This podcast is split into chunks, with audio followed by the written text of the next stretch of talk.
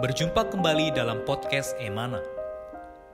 Renungan-renungan yang menguatkan iman ini diambil dari tulisan-tulisan saudara Watchmeni, seorang pelayan Tuhan yang sangat mengasihi Tuhan sampai akhir hidupnya.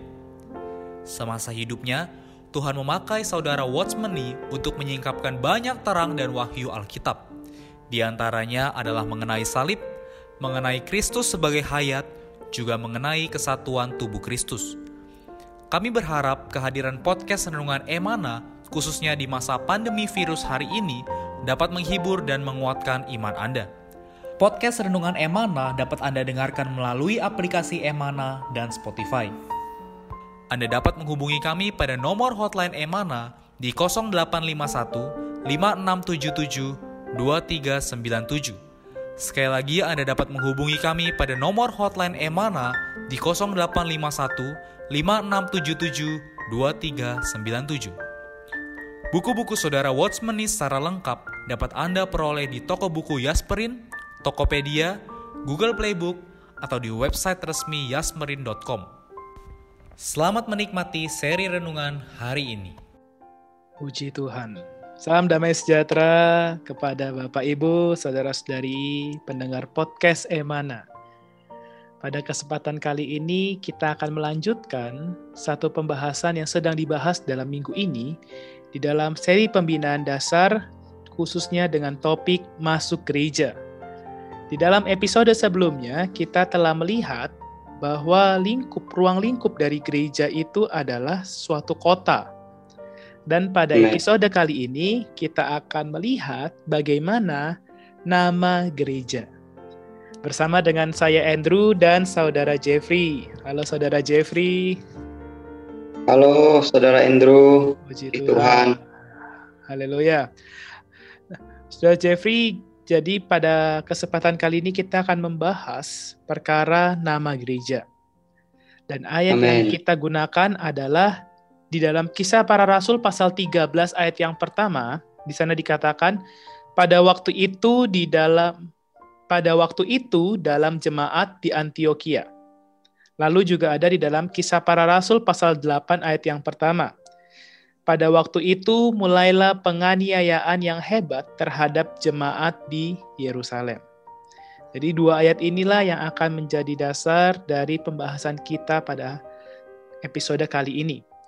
Mungkin sebelum saudara Jeffrey masuk ke dalam pembahasan yang lebih lanjut, saya akan membacakan kutipan renungan di dalam uh, nama gereja. Saudara-saudari, kita harus jelas gereja tidak dapat disebut dengan nama seorang manusia, tidak dapat disebut dengan nama suatu ajaran, tidak dapat disebut dengan nama suatu sistem, pun tidak dapat disebut dengan nama tempat asal-usulnya. Gereja hanya dapat disebut dengan nama kota atau lokal itu hanya dapat disebut gereja di Fuzhou, tidak dapat disebut gereja di Shanghai dan di Fuzhou. Anda tidak patut mendirikan gereja Roma di Shanghai. Gereja Roma harus kembali ke Roma. Kalau ada seorang beriman gereja di Roma datang ke Shanghai, ia boleh berada dalam gereja di Shanghai. Tidak patut mendirikan gereja Roma di Shanghai. Tempat asal-usulnya itu tidak dapat dibawa ke Shanghai. Gereja Anglikan harus pulang ke Inggris.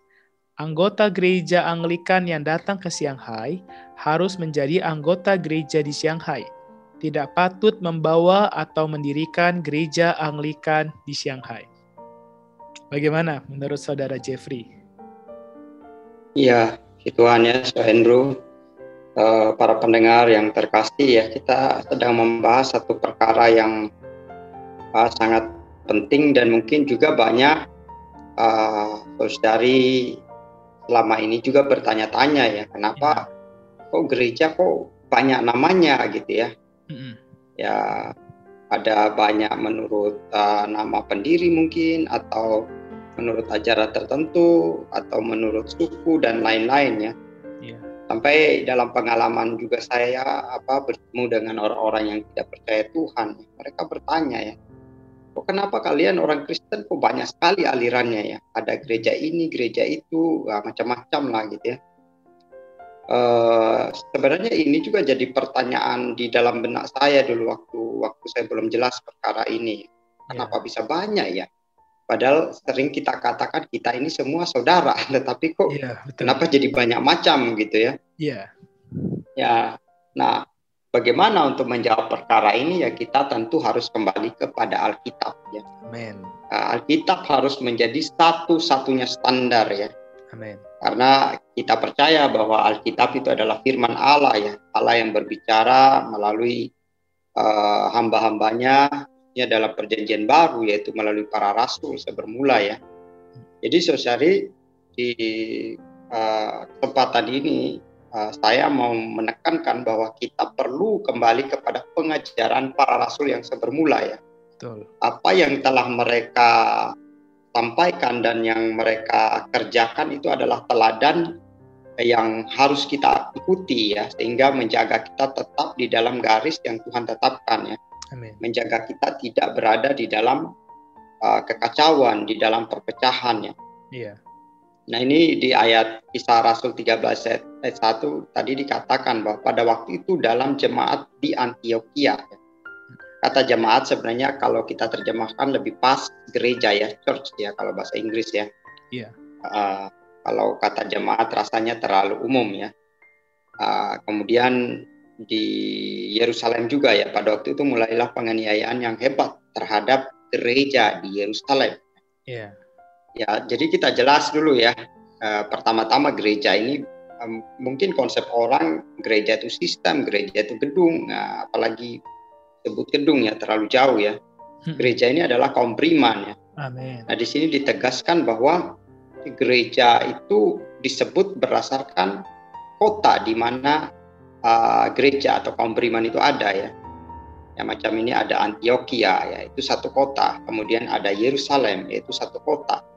Jadi jelas batasannya itu adalah satu kota, tidak bisa lebih besar, tidak bisa lebih kecil ya.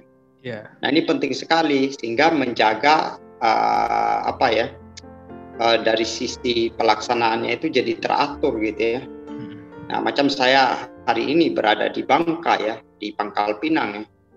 Ya seharusnya kalau kalau orang bertanya ada berapa gereja di Pangkal Pinang, jawabannya berdasarkan Alkitab ya hanya satu ya.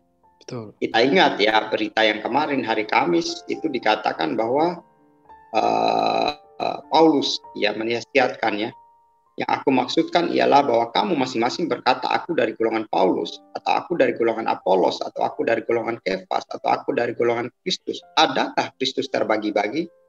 1 Korintus 1 ayat 12 sampai 13a itu jelas ya.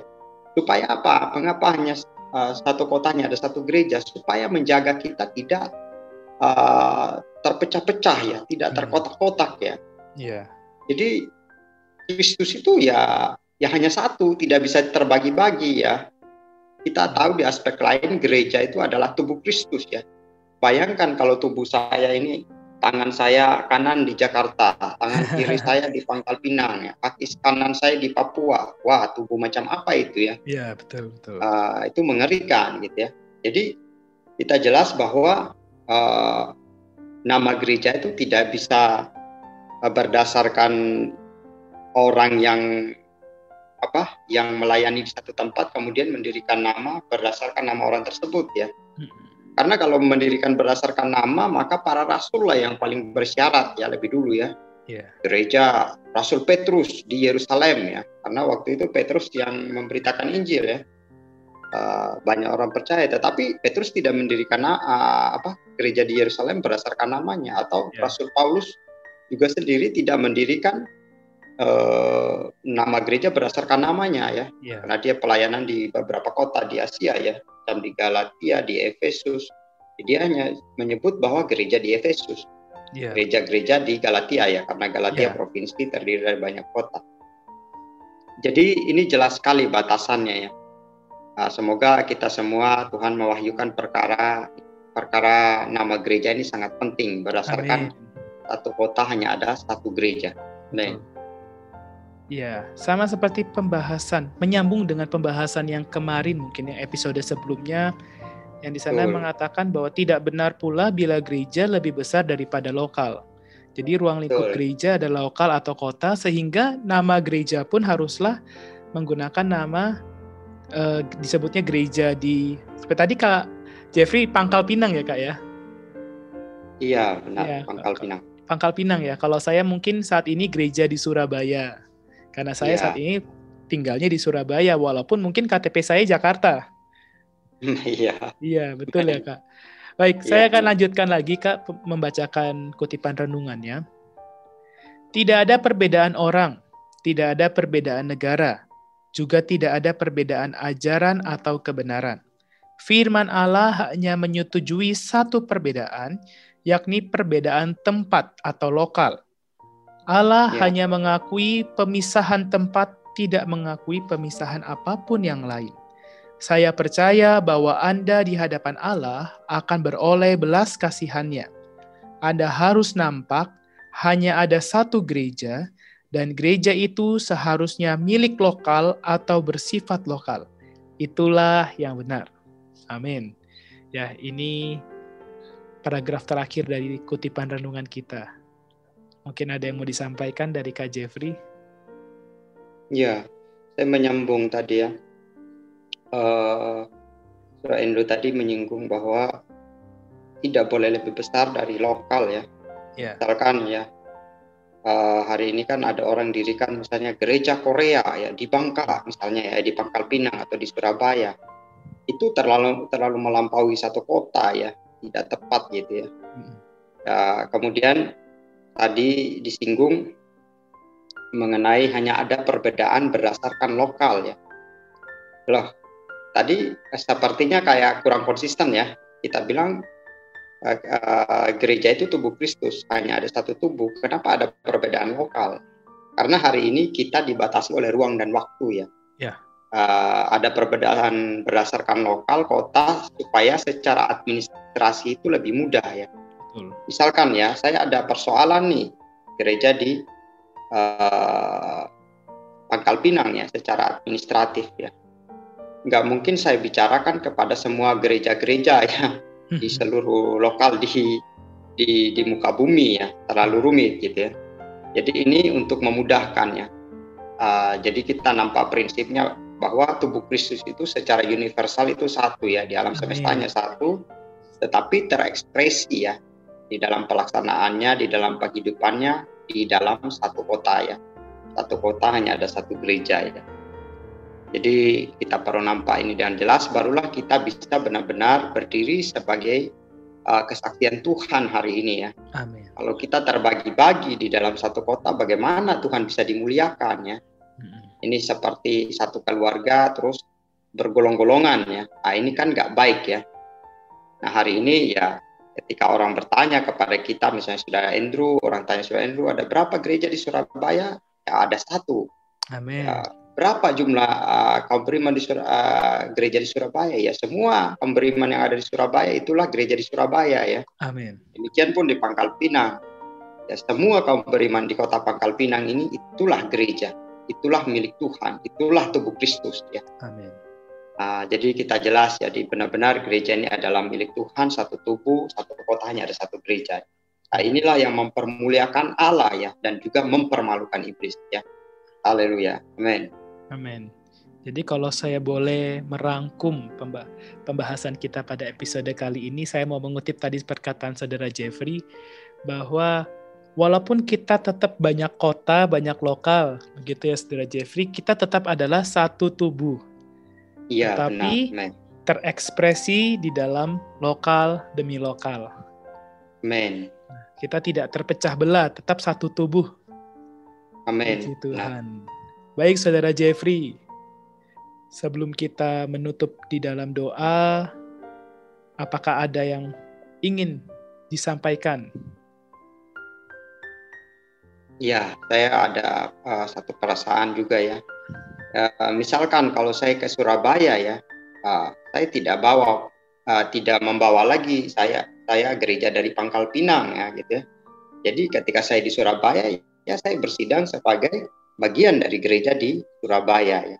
Amin. Jadi uh, kita bisa lebih mudah saling menerima ya.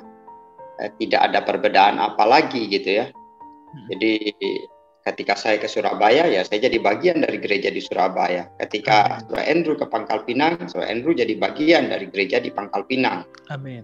Jadi uh, kita bisa berbaur ya, bisa esa ya. Uh, puji Tuhan. Amin. Puji Tuhan, kita bisa berbaur, kita bisa esa. Amin. Baik, Saudara Jeffrey, saya mungkin sekalian mau meminta dalam kasih Saudara Jeffrey boleh menutup episode kita kali ini dengan berdoa. Amin. Tuhan. Terima kasih Tuhan, Amin. Engkau terus mewahyukan kepada kami perkara gereja ini Tuhan. Amin. Bahwa gereja tidak bisa didirikan berdasarkan nama manusia, Amin. berdasarkan suku, sistem, organisasi apa pun ya Tuhan. Gereja hanya didirikan berdasarkan di mana uh, kota atau gereja itu berada di satu kota ya Tuhan. Betul. Oh Tuhan Yesus, karena perkara ini adalah perkara menjaga kami tinggal di dalam keesaan, Ya. sehingga kami tidak ada perpecahan di dalam satu tubuh. Amin. Tuhan, biarlah Engkau berbicara lebih dalam kepada kami semua, Amin. pada seluruh para pendengar, hingga dapat melihat perkara gereja ini Ya. dengan jelas. Tuhan Yesus, kami mengasihimu, kami mengasihi firman-Mu. Amin. Amin. Puji Tuhan. Terima kasih Saudara Jeffrey. Terima Amin. kasih saudara-saudari sekalian. Tuhan Yesus menyertai kita semua.